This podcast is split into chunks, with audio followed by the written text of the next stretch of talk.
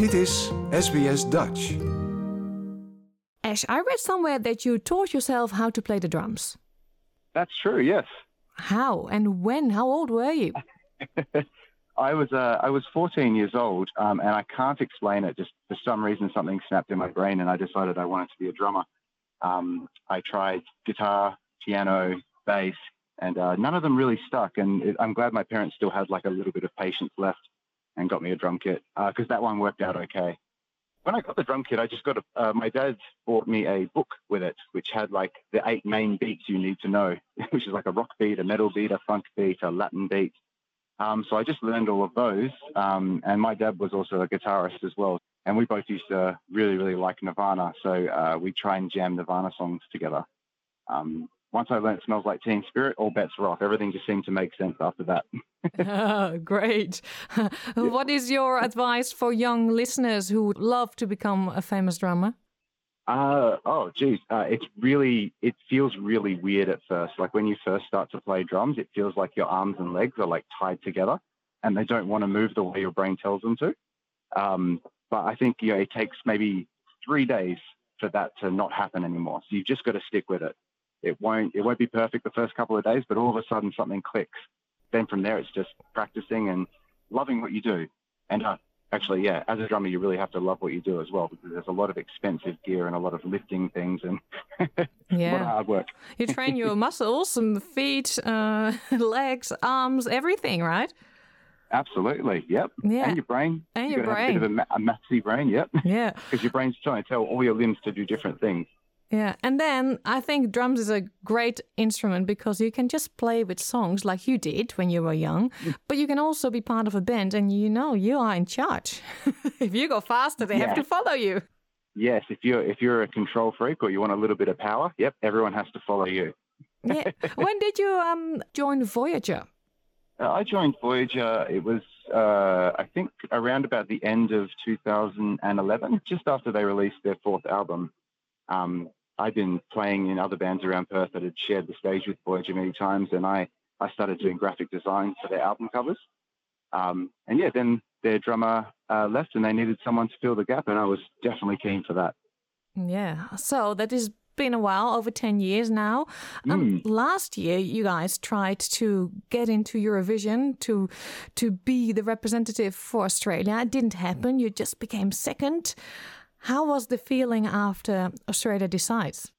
Oh, we were uh, we were elated. It was amazing. Um, a few people messaged me saying, "Oh, I'm so sorry you didn't make it." I'm like, "Oh, I'm having the best time. Like this is an amazing result. We got so much support from the public and had such a great time doing uh, TV, which is really different to what we usually do, which is you know playing stages at clubs and things like that. So." Yeah, we, we were all stoked and yeah, we were really happy with how it turned out. Uh, little did we know it was going to lead to something even bigger like this. I know, because this year you are going. Yes, yeah, it's, it still hasn't quite sunk in. No. Was it something you had to keep a secret for a long time? We did have to keep it secret for a little while. Yeah, I, I only told uh, my, my partners. I didn't even tell my parents. Wow. Yeah. How did you manage My, uh, that? Uh, yeah, I'm not too bad at keeping a secret. I was lucky my dad was off in a caravan driving around the country. Um, and with my mum, it just took a bit of willpower. I really wanted to tell her. And how did they respond to the news? They were stoked.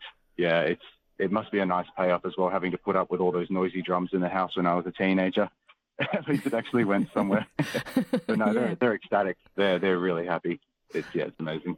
You're all very tough looking guys, and of course, one very tough looking girl. What's the magic of Eurovision for you? Um, I have to say, uh, Simone is the toughest out of all of us by a long shot. Um, uh, the magic of Eurovision, uh, I think, uh, you know, a band like us, we're, we're really all about um, performing live. You know, we, we really care about being entertaining and putting on the best show we can. And um, a lot of the time, especially as like a, a band from Perth, you don't have the opportunity to to put on the show you might want to put on. The stages aren't big enough, or you just don't have the financial means to do so. With Eurovision, it's it's the biggest stage in the world. You know, it's it's all about being as entertaining as you can possibly be. Um, so having the opportunity to put on the kind of show we've always wanted to put on, and also having like everyone there, you know, just from all over the world, all different walks of life, ready just to have a good time, like that's that's going to be the best feeling. That's the magic of it for us. It's going to be a wild ride, I reckon. Oh yeah, I'm here for it. I'm here for everything. yeah, the song is called Promise. What can you tell about that? Uh, yeah, it, it's an interesting one. Um, I, I, feel like it's very easy to kind of get bogged down in um, like you know all of the the bad things that seem to be happening on a daily basis. And you know, while you have to pay attention to those things and you have to be aware of them, at the same time, you know, if we Uh, if we try and take a bit more of a positive outlook on things, or we we try and work hard to make things better, we can maybe promise ourselves that things are going to be all right. So I, I think you know, in some ways, it's it's taking a little bit of a break from how bad everything is and just reminding yourself that you know if we do the right things, we put the work in, it's all going to be all right. And we can promise ourselves that if we're prepared to put in the effort. Yeah, and in terms of the style of the song, I read your metal pop group. It's it's a bit of synthesizer, it's guitars. I heard one in the song. that one came as a surprise. yes, I've been loving watching the reactions to people when they get to that part. um, I mean, style-wise, it is. It's a. Uh, it's definitely a metal song, but it has a lot of pop elements. Like we, Voyager likes to think of itself as a band that uh, is kind of like a, a pop band uh, disguised as a metal band. Um, but at the same time, we are a metal band who's disguised as a pop band as well. We we like to sort of bring those things together. So it's definitely heavy, but uh, we don't ignore the fact that we want you to be able to dance to it and have a good time. Yeah, I uh, watched the video clip and the scenery you're in, you're all playing. Mm. Wow, some great spots in WA. Isn't it beautiful? Kalbarri National Park, just to mention yes. one. Yep, on Nanda Country. Yep, and uh, the Hutt Lagoon as well, also on Nanda Country. It's uh, it's a beautiful landscape we have here. Some parts are so alien, um, and just unlike anything you see anywhere else. It's it's a great place to live and visit. When will Eurovision be a success for you guys? I mean, we all hope you win, oh. of course. I mean, oh, I can't say that because the Netherlands is also participating. oh, what did I do?